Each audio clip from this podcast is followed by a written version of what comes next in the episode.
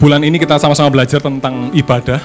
Hari ini kita belajar tentang uh, bagaimana ada kuasa dalam pujian dan penyembahan. Uh, minggu yang pertama di bulan ini kita belajar tentang bagaimana kekristenan itu bukan satu rutinitas, bukan satu agama, bukan satu identitas saja, tapi merupakan satu hubungan. Kemarin minggu uh, kemarin minggu lalu kita belajar tentang hal yang luar biasa, bagaimana kita uh, bahwa gereja ini adalah rumah kita, gereja ini adalah tempat kita bertumbuh, bagaimana kita harus uh, setia dan mempertahankan kita berbuat yang terbaik untuk rumah Tuhan di mana kita ditempatkan. Malam hari ini kita mau belajar bagaimana ada kuasa dalam pujian dan penyembahan. Rasanya nggak pengen berhenti ya tadi, kita pengen terus flow, tapi saya mau kasih beberapa, uh, satu dua hal, nanti kita sama-sama mau sembah Tuhan lagi. Lagu yang tadi mungkin saudara, ini lagu baru dan lain sebagainya, sama, itu juga lagu baru buat saya Sebelum saya cerita saudara, kita buka dulu di dalam Mazmur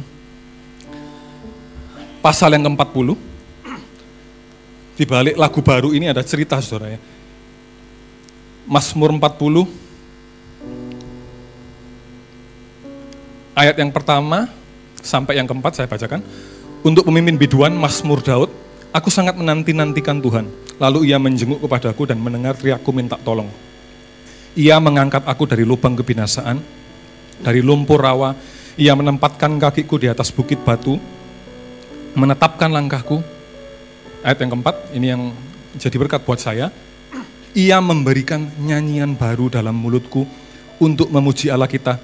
Banyak orang akan melihatnya dan menjadi takut, lalu percaya kepada Tuhan. Amin, saudara ya. Dikatakan di sini, ia memberikan nyanyian baru. Di dalam King James-nya dijelaskan, And he had put a new song. Lagu ini saudara, saya rasa uh, waktu saya dapat new song ini, dapat lagu baru ini saudara, itu seolah-olah satu, saya pikir agak aneh, agak agak epic saudara ya, bagi bagi saya saudara. Kenapa? Karena lagu ini saudara, itu jadi lagu baru buat lagu baru tanda kutip buat saya pada saat saya uh, menantikan saya punya keturunan, saudara. Buat saudara yang baru di sini, mungkin ada yang baru datang hari ini atau belum sempat dengar kesaksian saya, saya saksi singkat aja saudara. Beberapa, beberapa saudara yang mungkin PS8 bosan, aduh saksi gimana gitu ya. Tapi, tapi buat saudara yang baru, saya ini dengan istri saya yang ini, yang main keyboard di sini, cantik kan? Ya, lambah hamil, lambah cantik gitu ya. Nanti minta dimasakan stick maksudnya. Kita sudah, tahun ini sudah keempat, tahun keempat kita menikah dan sampai akhir tahun yang lalu 2000 kita menikah 2015 sampai tahun 2018 kita masih belum dikaruniai uh, keturunan saudara ya. Dan sebetulnya itu bagi saya juga nggak apa-apa saudara ya, masa penantian mungkin seperti itu. Tapi yang membuat saya makin tertekan saudara, ketika saya memutuskan untuk pergi ke dokter untuk check up di tahun kedua tahun kedua setelah uh, gagal terus saudara, setelah uh, istri saya ini pokoknya agak benci, jong sama tespek, saudara. Karena berulang kali tespek negatif terus.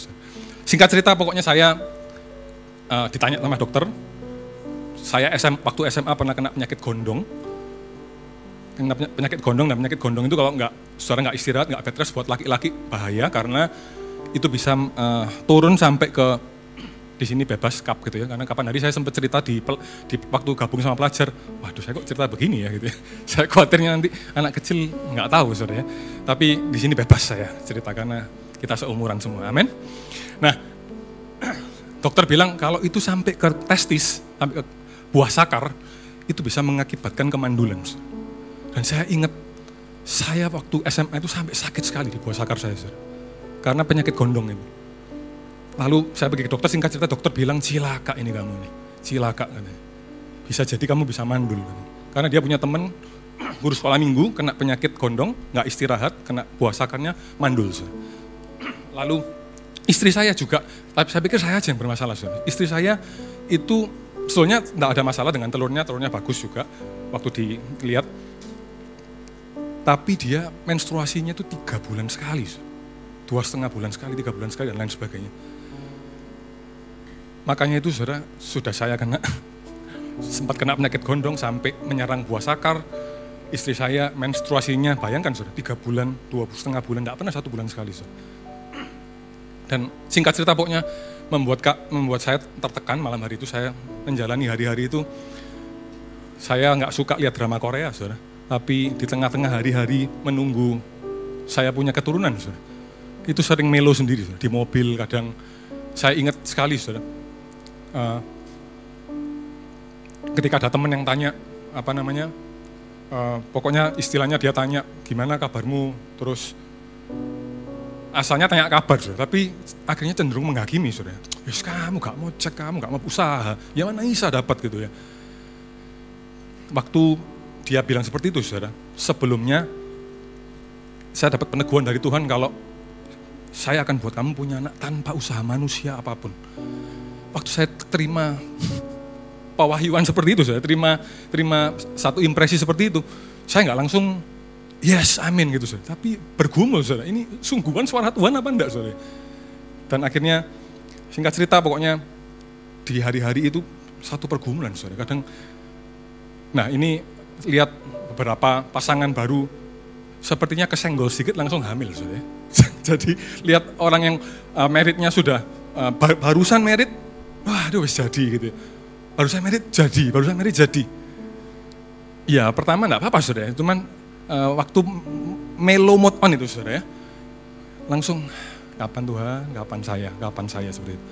Dan di tengah-tengah itu saudara, praise and worship, pujian penyembahan, itu jadi satu charger buat saya. Saudara. Tadi dikatakan Mazmur itu Tuhan taruh lagu baru. Kalau saudara baca di dalam bahasa aslinya, bahasa Inggrisnya.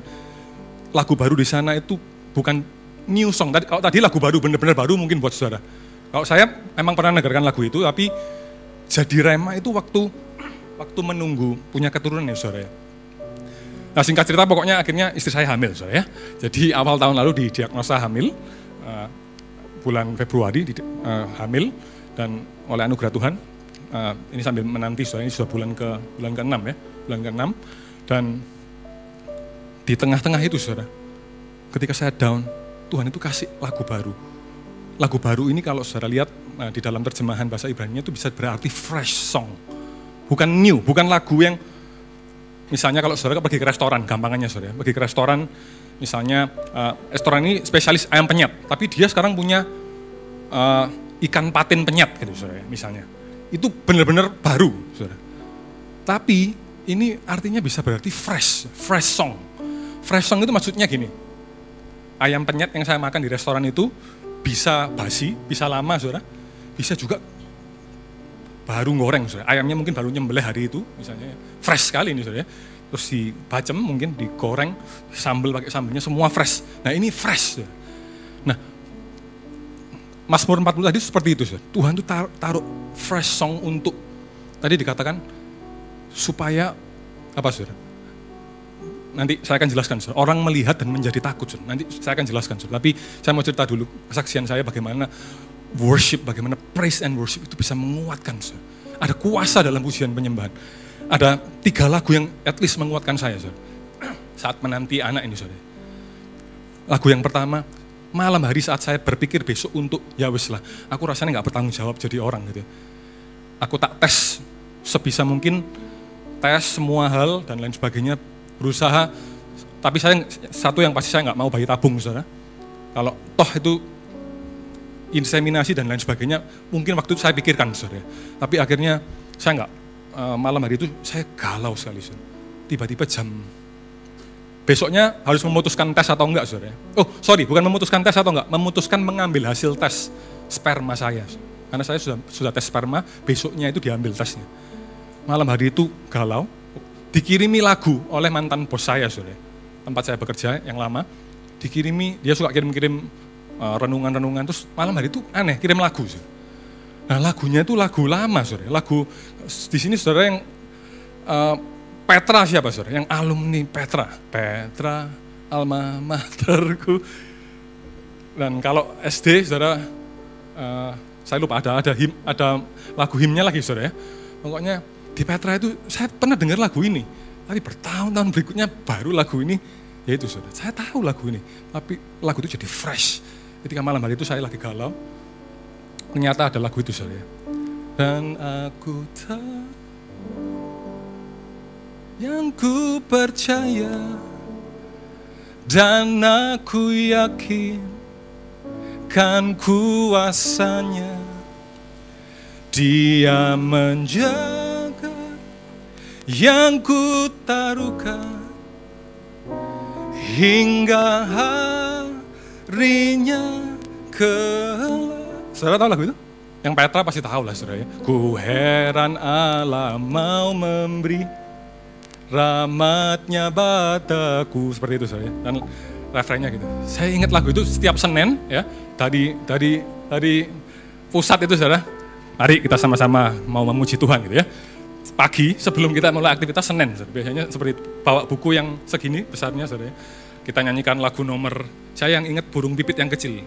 28 atau something, 30 nggak usah.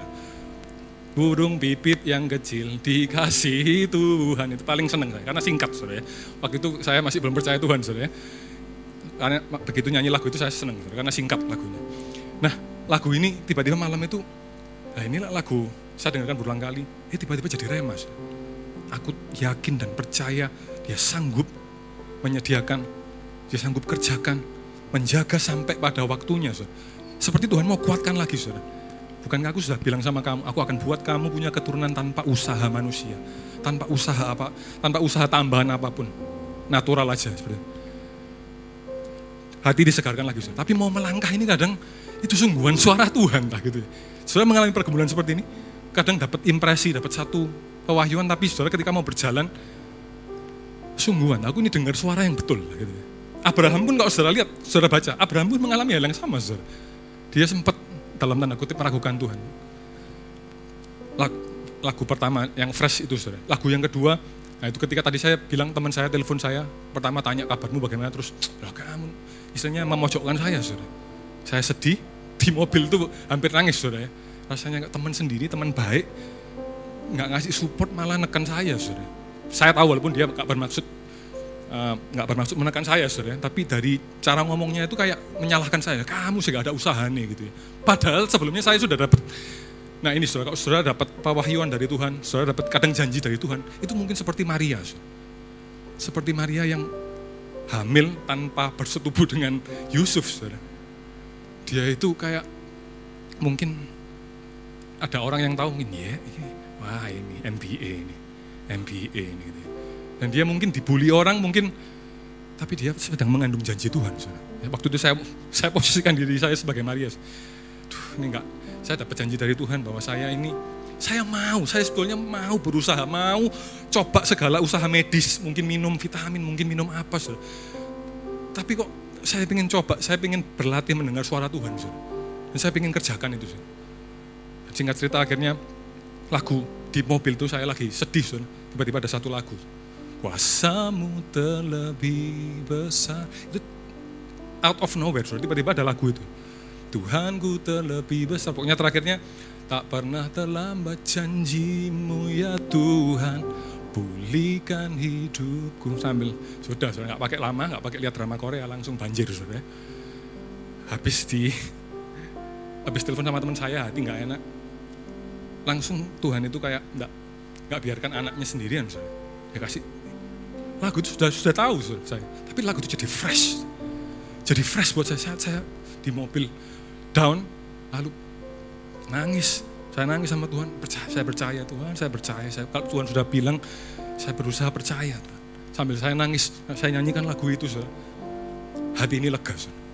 dan iman dikuatkan lagi saya tulis di buku eh saya tulis di notes di HP saya saudara. hari ini saya dalam tanda kutip dibully teman saya gitu ya, karena saya nggak berusaha dan lain sebagainya tapi Tuhan tahu saya sedang mengandung janjinya tiba-tiba Tuhan kasih lagu kuasamu itu lebih besar saudara, dalam hidup saya. Dalam hari itu saudara. Saya tulis tanggalnya, saya catat. Dan saya dikuatkan lagi. Tapi apakah saya langsung punya, uh, dapat keturunan saudara waktu itu? Belum saudara. Jalan lagi, jalan lagi. Sampai akhirnya uh, kadang-kadang juga di kebaktian seperti ini saya lagi lemah, dikuatkan lagi lewat puji-pujian tadi. Sampai akhirnya hari ketika dia waktu itu Februari, dia bawa tes pack itu pagi-pagi saudara bahwa ada strip, dua strip itu di test packnya itu. Waktu itu paginya jam 5 pagi dia tunjukkan saya test packnya itu. Terus ya sudah nanti kita uh, siang kurang lebih jam 10-11 kita nanti pergi ke RKZ gitu ya. Kita mau cek apa betul sungguhan hamil gitu ya. Nah, akhirnya setelah saya antarkan dia pagi kan harus nah, dia pekerjaannya di kantin saudara. Pagi jam 7 dia antar ke rumahnya. Nah, ini saudara, dalam perjalanan pulang saudara. Yaitu hati saya saya mau suweneng tapi saya tahan dulu saudara. Karena kalau saya, wah yes, yes sampai masuk ke dokter, enggak ada bayinya itu gitu. Atau cuma kantong aja itu misalnya. Kan ya, saya tahan dulu saudara saya senang baru pertama kalinya tes speknya dua garis gitu. Saya waktu itu juga senang, senang dan tapi saya tahan, saya tahan, saya tahan dulu. Kalau pagi saya punya kebiasaan kalau ada waktu saya langsung saat teduh saudara. Pagi itu saya itu suka pakai saat teduh. Hari-hari ini kadang-kadang cuma satu ayat saudara. Cuman saya renung-renungkan terus. Nah hari itu saya dapat ayat di dalam kita buka sama-sama saudara. 1 Korintus 10 ayat 13 saudara. Ini ayat yang pada pagi hari itu, 1 Korintus 10 13, pencobaan-pencobaan yang kamu alami ialah pencobaan-pencobaan biasa yang tidak melebihi kekuatan manusia sebab Allah setia. Dan karena itu ia tidak akan membiarkan kamu dicobai melampaui kekuatanmu. Pada waktu kamu dicobai, ia akan memberikan kepadamu jalan keluar sehingga kamu dapat menanggungnya. Pagi itu saya dapat ayat ini, saya baca, saya renung-renungkan, Lalu fokusnya di ini, sebab Allah setia, sebab Allah setia. Dan karena itu ya tidak membiarkan kamu dicobai melampaui kekuatanmu. Sambil merenungkan ini di jalan itu saudara. Nah kenapa tadi saya nyanyikan lagu yang barusan? So my soul surrender itu saudara. Lagu itu saya punya CD-nya. Beberapa satu bulan, dua bulan yang lalu lagu itu nyantol di playernya mobil saya, eh, sorry mobilnya papa saya, mobil yang biasa di papa saya. CD-nya itu nyantol di sana. Saya ingat waktu itu saya sedang bawa mobil itu, waktu saya mau keluarkan mau saya bawa pulang, saudara. Itu nyantol, saudara. Ada dua CD di sana, bisa masuk dua-duanya, saudara. Saya nggak tahu mungkin di sini yang ahli audio kenapa bisa seperti itu. Ada dua CD yang bisa masuk dua-dua, cuman satu yang bisa keluar, saudara. Dan CD-nya JPCC Worship itu yang lagu ini, itu nyantol di sana. Sampai saya Nah biasa anak zaman now saudara ya, ya cari ke audio juga males gitu ya. Langsung mbah Google saudara. Cara mengeluarkan CD yang nyangkut gitu ya.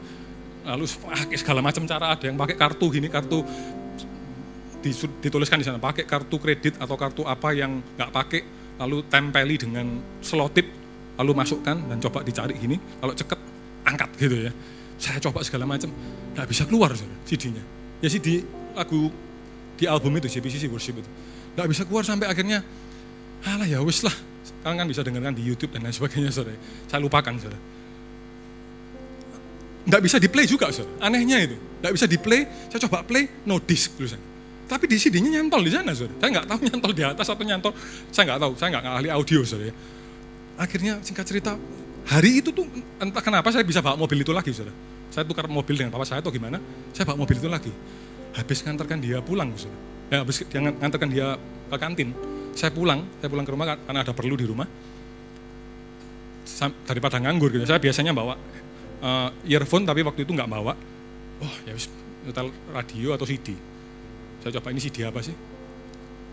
CD-nya putar loh kok, kok, kok bisa lagunya? Jadi ini lagu yang CD yang nyantol beberapa bulan yang lalu saudara loh kok bisa ya dan lagunya itu lagu di track ini saudara lagunya uh, boleh ditayangkan tadi teksnya. Saya tahu nadanya, saya tapi lagu ini tiba-tiba seperti kayak fresh seperti lagu ini hidup. Here my here I am with my arms. Ini bukan? Terus next. Uh, as the light begins to fade, ya. Terus Hear my cry, my prayer, my plea. Dengar dengar seruan doaku, dengar tangisanku, dengar permohonanku.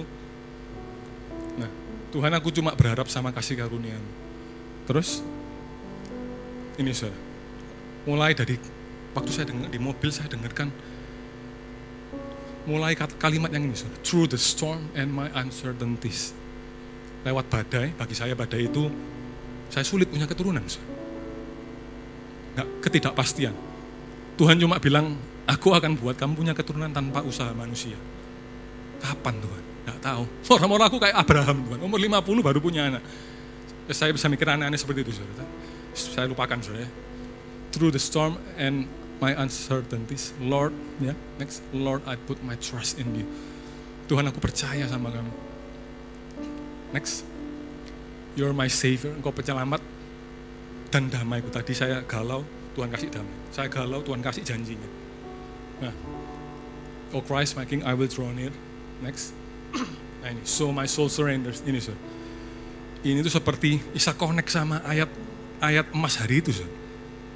So my soul surrenders to my faithful God. To my faithful God. Next. You're my hope and anchor. Saya nggak salah selama ini saya taruh pengharapan saya sama Tuhan. Sir. Next. I trust in you. Saya I trust in you because you are a faithful God. Saya percaya sama kamu Tuhan karena engkau Tuhan yang setia. 1 Korintus 10, 13 tadi bukankah berbunyi yang sama saudara ya? Pencobaan yang kamu alami, pencobaan biasa, tidak melebihi kekuatan manusia sebab dalam bahasa Inggrisnya saudara ya. But God is faithful. Saya di mobil itu tidak usah ada altar call di tempat ini saudara, tidak usah ada kebaktian khusus, di mobil saya bisa seperti rasanya di mobil itu penuh dengan hadirat Tuhan. Saudara. Sepertinya seisi surga itu mau teguhkan, mau kasih kekuatan, mau kasih ini loh aku ini Allah yang setia. Ini loh aku ini Allah yang kalau aku berfirman sama kamu, kalau aku janji sesuatu sama kamu, cepat atau lambat kamu pasti mengalami. Di mobil itu saya sampai saya setir sampai saya putar terus lagu ini saya putar terus sampai bos. Nggak bosan-bosan sampai sekarang saudara. karena begitu lagu ini play saudara, saya ingat hari itu Tuhan teguhkan. Bisa persis harinya tes pack itu saudara ayat emas hari itu. CD yang nyantol aneh saudara. CD yang nyantol yang nggak bisa dikeluarin. Saya putar tiba-tiba putar lagu ini saudara. seperti saya pikir ini kok rasanya rinding semua saudara jadi kayak Tuhan itu mau teguhkan saudara pencobaan yang kamu hadapi. Malam hari ini pencobaan apa yang kalian hadapi? Gak akan melampaui kekuatan kita, amin. Gak akan melampaui kekuatan kita semua di tempat ini.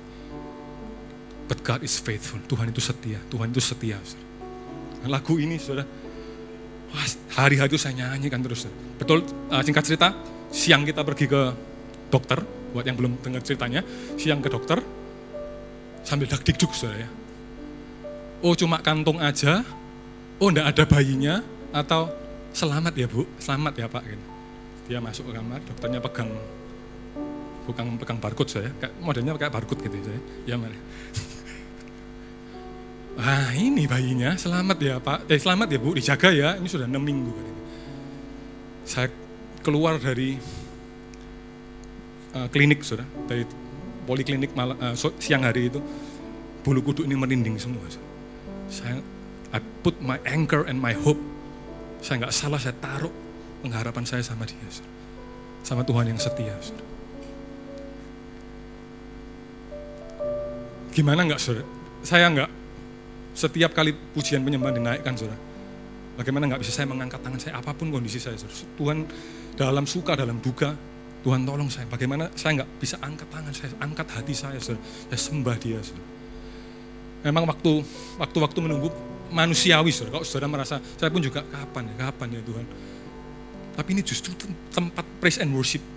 Saudara mungkin nggak di tempat ini, di rumah saudara, di saat teduh saudara, di saat persekutuan sel, di kapan pun di tempat kerja saudara, mungkin saudara uh, di perjalanan seperti saya tadi, saudara dengarkan lagu uh, praise and worship saudara. Itu akan jadi kekuatan buat saudara. Berulang kali saudara. Tuhan kasih lagu yang fresh itu buat saya, saudara. Dan di Mazmur 40 dikatakan, saudara.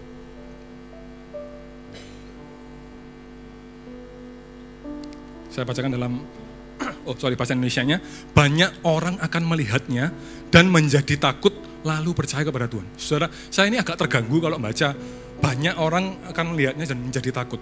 Saya waktu baca ayat-ayat seperti ini, saudara, itu saya agak terganggu. Terganggunya di mana, saudara? Kenapa ya kok Tuhan itu, kenapa kita harus takut sama Tuhan? Mungkin saya salah salah menginterpretasikan saya. Mungkin saudara sudah sudah sudah dengan baik menginterpretasikan takut ini. Saudara. Tapi bagi saya waktu baca ini dulu saudara, saya baca setiap kali banyak orang melihatnya menjadi takut, takut akan Tuhan, takut akan Tuhan. Itu kayak rasanya kayak Tuhan datang terus, wih, kayak langsung takut yang takut yang seperti itu, saudara. takut yang negatif. Saudara. Tapi hari-hari ini Tuhan perbarui cara uh, cara saya melihat. Saudara. Takut di sini, saudara.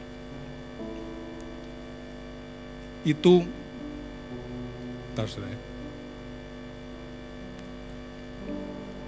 Fear. Bahasa Inggrisnya pun fear. Saudara. Tapi kalau saudara lihat, di, uh, coba saudara yang punya apps, saudara, coba cek di sana. Di penjelasan yang kedua di sana dikatakan fear ini artinya to stand in awe. Maksudnya kalau kita nyanyi lagu, And I stand, I stand in awe of you. Lagu itu, sudah tahu kan? Bahasa Indonesia-nya, ku kagum, hormat. Berarti saya terjemahkan ini bukan takut, takut yang takut-takut gitu. Saudara. Tapi ini itu lebih ke banyak orang melihatnya dan menjadi kagum sama Tuhan. Saudara. Kagum, begitu lihat Tuhan, wah. Seperti ya takutnya itu takut yang positif. Saudara. Takutnya maksudnya kayak saudara misalnya di tempat ini ya, misalnya saudara, ini orang yang kelihatan aja lah. Ada Pak Jokowi di sini. Saudara kan pasti nggak mungkin selengean saudara. Pasti kan, fuh, wih Pak Jokowi. Saudara mungkin, ya Pak, ya Pak. Takut yang saudara sambil respect, sambil saudara cinta sama orang itu, sambil saudara itu kayak ya kagum sama orang ini. Ini saya artikan, saya terimanya seperti ini saudara. Banyak orang akan melihatnya dan menjadi kagum, lalu percaya sama Tuhan. Kalau waktu itu saya menyerah, saudara. saya nggak bisa saksi malam hari ini. Saudara. Kalau waktu itu saya asal saya mungkin menyerah untuk percaya sama Tuhan, saudara. Malam hari saya nggak bisa saksi, saudara. Karena Tuhan taruh lagu itu, saudara. Tuhan taruh, mulai dari hari pertama saya bergumul di tengah-tengah Tuhan kuatkan lewat lagu-lagu, lewat pujian, penyembahan. Hari ini saya bisa saksi. Dan kalian semua tahu ada Tuhan yang hidup. Tuhan yang bisa kerjakan apa pun yang mustahil. Saudara. Ada amin, saudara. Ku kagum hormat akan engkau. Ku kagum hormat akan engkau. Kau Allah yang layak dipuji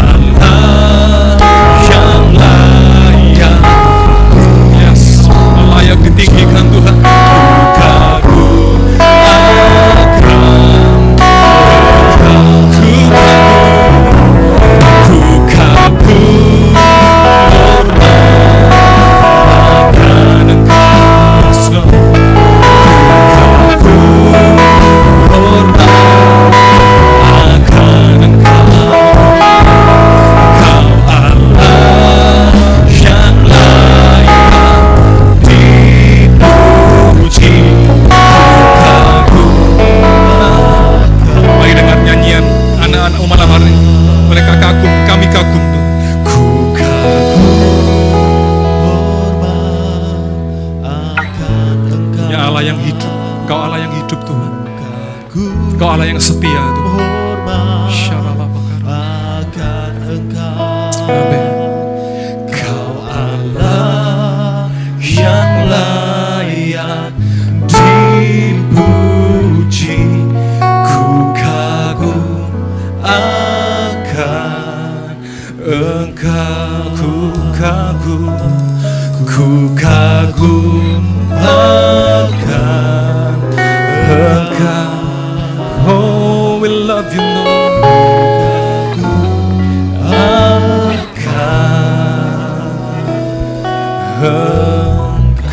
Sorak-sorai buat dia. Haleluya, haleluya. Saudara kita eh, lanjut, saudara ada satu hal lagi yang ingin saya sharingkan, saudara ya. Malam hari ini, eh, pada masa teduh saya beberapa satu bulan yang lalu mungkin saudara, saya dapat satu hal yang yang ingin saya sharekan malam hari ini tentang kalau saudara pikir eh, kita baca saja dulu, saudara. Eh, slide-nya bisa ditampilkan. Ini tentang tongkat Harun. saudara. Kalau saudara pikir, apa hubungannya gitu ya tongkat Harun sama penyembahan, sama praise and worship saudara. Kita baca sama-sama, Eh, kita buka di dalam bilangan 17. Bilangan 17 ayat 1 sampai 10. Yensin mungkin bisa tolong bantu dibacakan Sin. Bilangan 17 ayat yang pertama, Tuhan berfirman kepada Musa, Katakanlah kepada orang Israel dan suruhlah mereka memberikan kepadamu satu tongkat untuk setiap suku. Semua pemimpin mereka harus memberikannya suku demi suku, seluruhnya 12 tongkat. Lalu tuliskanlah nama setiap pemimpin pada tongkatnya. Pada tongkat Lewi harus kau tuliskan nama Harun. Bagi setiap kepala suku harus ada satu tongkat. Kemudian haruslah kau letakkan semuanya itu di dalam kemah pertemuan di hadapan tabut hukum, tempat aku biasa bertemu dengan kamu. Dan orang yang kupilih, tongkat orang itulah yang akan bertunas. Demikianlah aku hendak meredakan sungut-sungut yang diucapkan mereka kepada kamu, sehingga tidak usah kudengar lagi. Setelah Musa berbicara kepada orang Israel, maka semua pemimpin mereka memberikan kepadanya satu tongkat dari setiap pemimpin, menurut suku-suku mereka, 12 tongkat, dan tongkat Harun ada di antara tongkat-tongkat itu. Musa meletakkan tongkat-tongkat itu di hadapan Tuhan dalam kemah hukum Allah. Ketika Musa keesokan harinya masuk ke dalam kemah hukum itu, maka tampaklah tongkat Harun dari keturunan Lewi telah bertunas, mengeluarkan kuntum, mengembangkan bunga dan berbuahkan buah badam. Kemudian Musa membawa semua tongkat itu keluar dari hadapan Tuhan kepada seluruh orang Israel. Mereka melihatnya lalu mengambil tongkatnya masing-masing. Ayat yang ke-10 terakhir, Tuhan berfirman kepada Musa, Kembalikanlah tongkat Harun ke hadapan tabut hukum untuk disimpan menjadi tanda bagi orang-orang durhaka. Sehingga engkau mengakhiri sungut-sungut mereka dan tidak kudengar lagi, supaya mereka jangan mati. Amin. Nah, waktu saya entah kenapa hari-hari itu saudara saya saat teduh saya saya sedang senang eh, belajar tentang tongkat-tongkatan, saudara ya. Jadi bukan tongkatnya Sun Gokong, saudara ya. Bukan tongkatnya tongkatnya kalau saudara dulu yang anak 90s pasti tahu baca buku Kung Fu Boy, saudara ya. Ada rivalnya Chin Mi yang namanya Sifan, saudara ya. Tongkat berpilin gitu, saudara ya. Yang tertawa pasti tahu, yang diam aja nanti coba dicek, saudara ya. Ini saya belajar waktu hari-hari itu ten- tentang tongkat Musa, tentang tongkat. Aku dapat tongkat Harun ini saya dapat sesuatu yang yang yang luar biasa, saudara ya, yang ingin saya bagikan. Nah, tadi di- ini ceritanya pokoknya umat Israel itu bersungut-sungut, saudara, sama sama Tuhan, oh sama Musa dan Harun. Terus Tuhan itu kayak pegel, saudara ya. Terus akhirnya di ayat yang kedua dikatakan, Katakan kepada orang Israel dan suruh mereka memberikan kepadamu satu tongkat untuk setiap suku. Semua pemimpin mereka harus memberikan. Semua pemimpin, perwakilan 12 suku. eh, kasih suruh dikas, dikasih nama so, di setiap se- nama setiap pemimpin pada tongkatnya sama tongkatnya Harun. Lalu ditaruh di tabut. Di depan tabut itu berbicara tentang apa saudara? Yang ikut kemah suci? Kusugianto, tabut berbicara tentang apa? Tentang ya kesempurnaan juga di dalam ruang maha suci itu saudara, ada tabut Tuhan itu berbicara tentang ada hadirat Tuhan di sana. saudara. Karena hadirat Tuhan waktu itu zaman itu saudara perjanjian lama kemah suci saudara itu hadirat Tuhan ada di tabutnya itu saudara. Sebagai sarana, saudara. Nah, ditaruh di sana dan akhirnya dari 12 ini, saudara. Cuman satu yang ini aneh sekali, saudara. Tongkatnya ini nggak mancep di tanah, caranya bertumbuh bagaimana, saudara? Tapi bisa di sini dikatakan ayat yang ke 10, eh, sorry, ayat ke-8, saudara. Ketika Musa keesokan harinya masuk ke dalam kemah hukum itu, maka tampaklah tongkat Harun dari keturunan Lewi telah bertunas, mengeluarkan kuntum, mengembangkan bunga, dan berbuahkan buah badam. Yang lainnya tidak berbunga. Saudara. Jadi tongkat mati saudara, di hadapan hadirat Tuhan. Saudara. Next. Nah, ada empat tadi saudara. Tongkatnya apa? Berbunga, eh bertunas, mengeluarkan kuntum, mengembangkan bunga, berbuahkan buah badam. Saudara, kalau tahu buah badam itu, kalau saudara yang familiar, buah badam itu almond, saudara. almond. Ya. Nah, bertunas, saudara. bertunas. Nah, kalau saudara nanti terima dulu, saudara ya. Nanti saya jelaskan kenapa kok ini ada hubungannya sama sama penyembahan, saudara. Bertunas. Next. Nah, ini saya lihat bertunas, tunas itu dalam bahasa Ibrani-nya itu parah, saudara. bukan parah, saudara. Bukan parah soro, bukan saudara. Parah Ibrani itu artinya to break out leprosy. Salah satu artinya itu aneh, saudara. Memang bahasa Ibrani ini agak aneh, saudara. Bahkan kata kata-kata tertentu itu bisa punya akar kata yang unik. Saudara. Ini contohnya. Tunas itu akar katanya bisa berarti to break out leprosy. Itu untuk menghancurkan penyakit lepra. Saudara. Untuk menyembuhkan penyakit dari penyakit lepra. Saudara.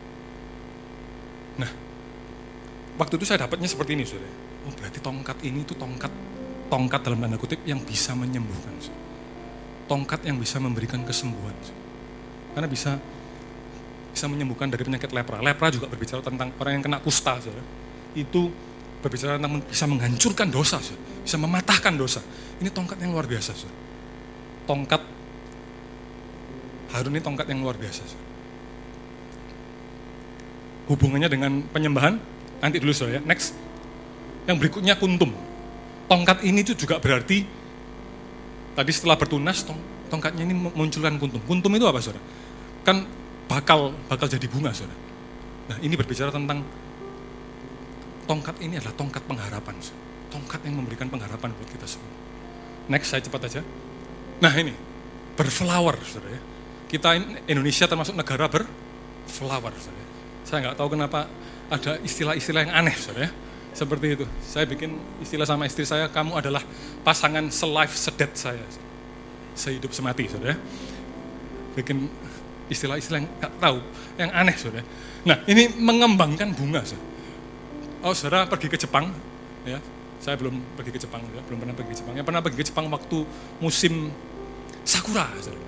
Wah, pasti saudara berbunga-bunga hatinya, saudara. Karena lihat berbunga-bunga di mana-mana. Bunga yang bunga sakura di mana-mana, saudara lihat pemandangan seperti itu, saudara pasti senang. Tongkat ini bisa kasih saudara mengembangkan bunga. tongkat ini bisa membuat saudara berkembang. Bisa membuat saudara dari nggak signifikan jadi signifikan. Saudara. Dan yang terakhir, untuk mempersingkat waktu, saudara, ini yang ingin kita nanti-nantikan. Saudara. Tongkat ini bisa memberikan buah. Saudara. Tongkat ini bisa memberikan terobosan buat saudara.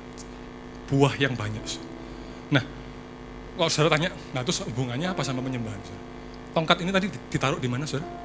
Di depan tabut. Saya tanya, yang boleh masuk ruang maha suci, saudara? Ini, ini, ini trailer ya untuk pameran tahun depan, saudara. Ya. Yang cuma boleh pilih yang salah. Ya. Style usianya Bapak Gembala kita. Pilih yang salah, saudara. Ya. Hari-hari tambah diperberat, saudara. Karena saya BS, BS, tapi suruh ngerjakan semua soal, saudara. Ya. Yang boleh masuk ruang mahasuci itu siapa, saudara? Cuman imam besar. Cuman imam besar. Kalau buat perjanjian lama kelihatannya nggak fair, saudara. Tapi yang bisa langsung merasakan, lah Tuhan di sini. Itu imam-imam nggak bisa, saudara.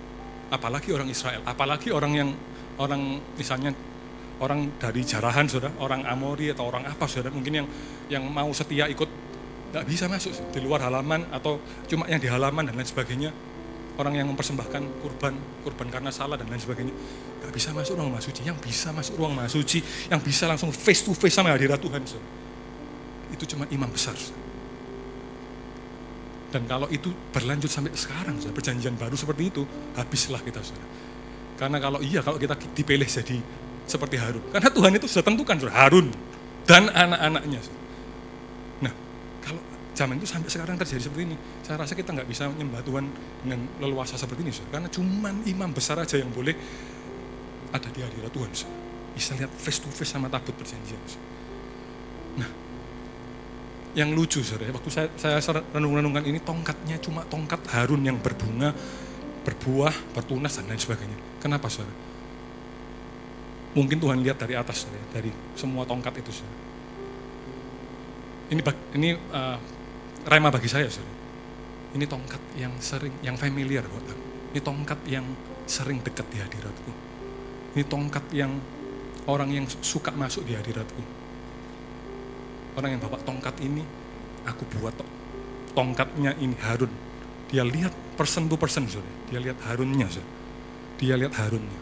Aku buat tongkatnya, dia bertunas. Aku buat tongkat dia punya menghasilkan kuntum. Aku buat tongkat dia berbunga. Aku buat tongkat dia berbuah. Yang lain, saudara. Sebagai perwakilan, yang lain bersungut-sungut dan lain sebagainya. Tidak ada yang berbunga, tidak ada yang berbuah. buat saya pribadi saudara, itu artinya sepertinya Tuhan itu sedang lihat buat kita zaman sekarang. Tuhan Yesus sudah mati, sudah tembus tirai itu, disobek tirainya. Sekarang kita bisa akses, sekarang kita seperti ini kalau kita sembah Tuhan dengan segenap hati, dengan kekudusan, itu kita bisa rasanya nggak pengen intinya nggak pengen jauh dari hadirat Tuhan saudara. Saya bawa satu video, bisa disiapkan videonya. Ini saya dapat pelajaran dari anjing yang dipelihara bersama-sama saudara ya. Ini anjing gantinya kalau buat saudara yang tahu anjing Ciko, namanya Ciko yang mati gara-gara makan tikus yang kena racun ya. Ini an- satu anjing ini gantinya itu Stephen beli habis Ciko itu mati untuk menghibur eh, mama mertua saudara, mama mamanya saudara. Dibelikan anjing langsung dibelikan anjing putih gantinya saudara ya. Mungkin bisa diputar. Ini saya dapat berkat dari hewan kecil ya. Ini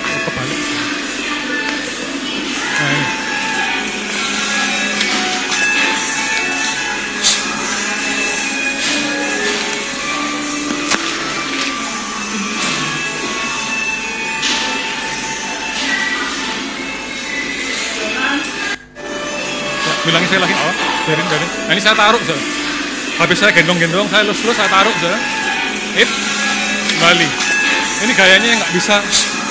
Nah, kalau ada teksnya, ayo gendong lagi, gitu ya. Mungkin, mungkin kayak gitu, saudara. Eh, manja sekali, saudara. Nah, itu jilat-jilat tangan, saudara. Oke, cukup. cukup. Habis dipeluk-peluk, habis diajak main, terus mau ditaruh di kandang, mau ditinggal, saudara. Dia lari sebentar, eh balik lagi, saudara. Tadi itu lucu, saudara. Jadi seperti orang manja, saudara. Ayo gendong lagi, gendong lagi sambil gini-gini. Gayanya itu lucu, saudara. Sambil minta gendong lagi, saudara. Anjing aja tahu, saudara. Itu mau lengketnya sama tuannya, saudara. Nah, apakah kita bisa seperti itu sama Tuhan, saudara? Dalam penyembahan seperti ini mungkin kalau sudah berakhir, aduh kok, kok cepet gitu ya. Saudara nggak pengen cepet-cepet. Itu hal yang sama. Kenapa tongkatnya Harun bisa seperti itu? Karena dia yang legal zaman itu untuk masuk, saudara. Dan Tuhan lihat ini orang yang dekat sama aku. Tuhan Tuhan cinta imam-imam, Tuhan cinta yang lain, tapi buat dia spesial di hatinya, saudara. Si tongkatnya Harun ini, saudara. Saudara bawa tongkat apa malam hari ini? Biar tongkat saudara bisa bertunas, bisa ber, punya kuntum, saudara, punya pengharapan selalu bisa berbunga, bisa berbuah, saudara. Saya ingin eh, sebelum kita sembah Tuhan lagi, saudara, satu, saya undang Singer maju ke depan, Singer maju ke depan. Yang terakhir, saudara, tentang berbuah. Saya lupa ayatnya di mana, saudara. Cuman saya ingat ini, saudara. Saudara tahu waktu Daud. Nah, setelah zamannya Harun, saudara, ada satu lagi Tuhan itu begitu cinta. Tuhan itu cinta sama semua, tapi itu, itu begitu spesial di hatinya, saudara. Yaitu Daud. Saudara lihat Daud satu-satunya yang disebutkan terus yang paling luar biasa itu rajanya ini salah, keturunan-keturunannya itu salah, tapi karena Tuhan lihat Daud, aku tidak mengoyakkan sekarang. Karena aku, karena Daud, aku nggak mengoyakkan. Karena Daud, Tuhan itu rasanya cuintas. Cinta sama semua, tapi sama Daud itu cuintas. Saudara pasti tahu kenapa lah. Saudara. Daud orang yang tulis Mazmur begitu banyak. Saudara. Yang dari masa mudanya itu pengennya dekat terus sama Tuhan. Saat, lebih baik satu hari, lebih baik seribu hari oh, sorry satu hari di pelataranmu daripada seribu hari di tempat lain di tempat yang nggak tahu nggak jelas. Ini orang yang sampai sama Tuhan dibuat jadi keturunannya Kristus anak Daud. Itu kenapa? Karena ini raja yang begitu cinta hadirat Tuhan, begitu suka sembah Tuhan. Tadi tongkatnya Harun tuh bisa yang terakhir berbuah. Ada satu kejadian, kok David pernah sharing ke saya waktu itu. Ketika Mikal, Mikal itu lihat Daud bawa tabut perjanjian itu pulang. Lalu dia itu menari-nari, mungkin saya nggak tahu. Mungkin seperti seperti orang gila. Si Mikal tuh bilang, gila, raja mempermalukan diri kayak gini. Gila, raja mempermalukan mempermalukan dirinya kayak gini. Si Daud bilang, aku nggak peduli. Aku nggak peduli kalau aku harus mempermalukan diriku untuk mempermuliakan nama Tuhan, untuk istilahnya untuk total buat Tuhan dalam menyembah Tuhan dia nggak peduli dan ini satu uh, kali satu hal yang profetik saudara dan akhirnya Mikal dituliskan di sana sejak dia mengutuki uh, menjudge Daud seperti itu saudara dia nggak bisa punya anak sampai sampai mati saudara. itu bagi saya waktu itu saya baca itu seperti satu satu hal yang profetik buat saya saudara orang yang suka menyembah Tuhan, seperti Daud. Tuhan akan kerjakan hal-hal yang luar biasa dalam hidupnya. Tuhan akan tambahkan urapan, Tuhan akan membuat pekerjaannya berkembang, Tuhan akan membuat membuat banyak buah dalam hidupnya. Tapi orang yang lihat yang sinis, yang mungkin nggak menghargai hadirat Tuhan dan lain sebagainya, itu nggak jadi apa-apa. Si Mikal itu dituliskan di sana nggak mandul sampai akhir hidupnya. Saudara. Sedangkan Daud kita lihat sama-sama, ya dia sempat jatuh juga, tapi perang demi perang dia menang dan sampai sekarang ini jadi salah satu tokoh favorit kita semua bukan? Ketika dia begitu luar biasa menyembah Tuhan. Mazmur ditulis dengan jujur, dengan segenap hatinya. Itu karena Tuhan, karena worship adalah relationship buat Daud. Karena penyembahan itu adalah satu hubungan. Seperti tadi sih, anjing itu namanya namanya Sasha, saudara. Anjingnya keren namanya Sasha. Saudara. Dia pengennya deket sama sama majikannya terus, sama orang yang nyayang dia. Saudara. Apakah malam hari ini kita sama, kita mau deket terus sama Tuhan, saudara, di hadiratnya. Karena saya percaya dalam pujian penyembahan, dalam hadirat Tuhan, itu kita bisa sama-sama merasakan kasihnya, merasakan kuasanya, merasakan kebaikannya. Haleluya.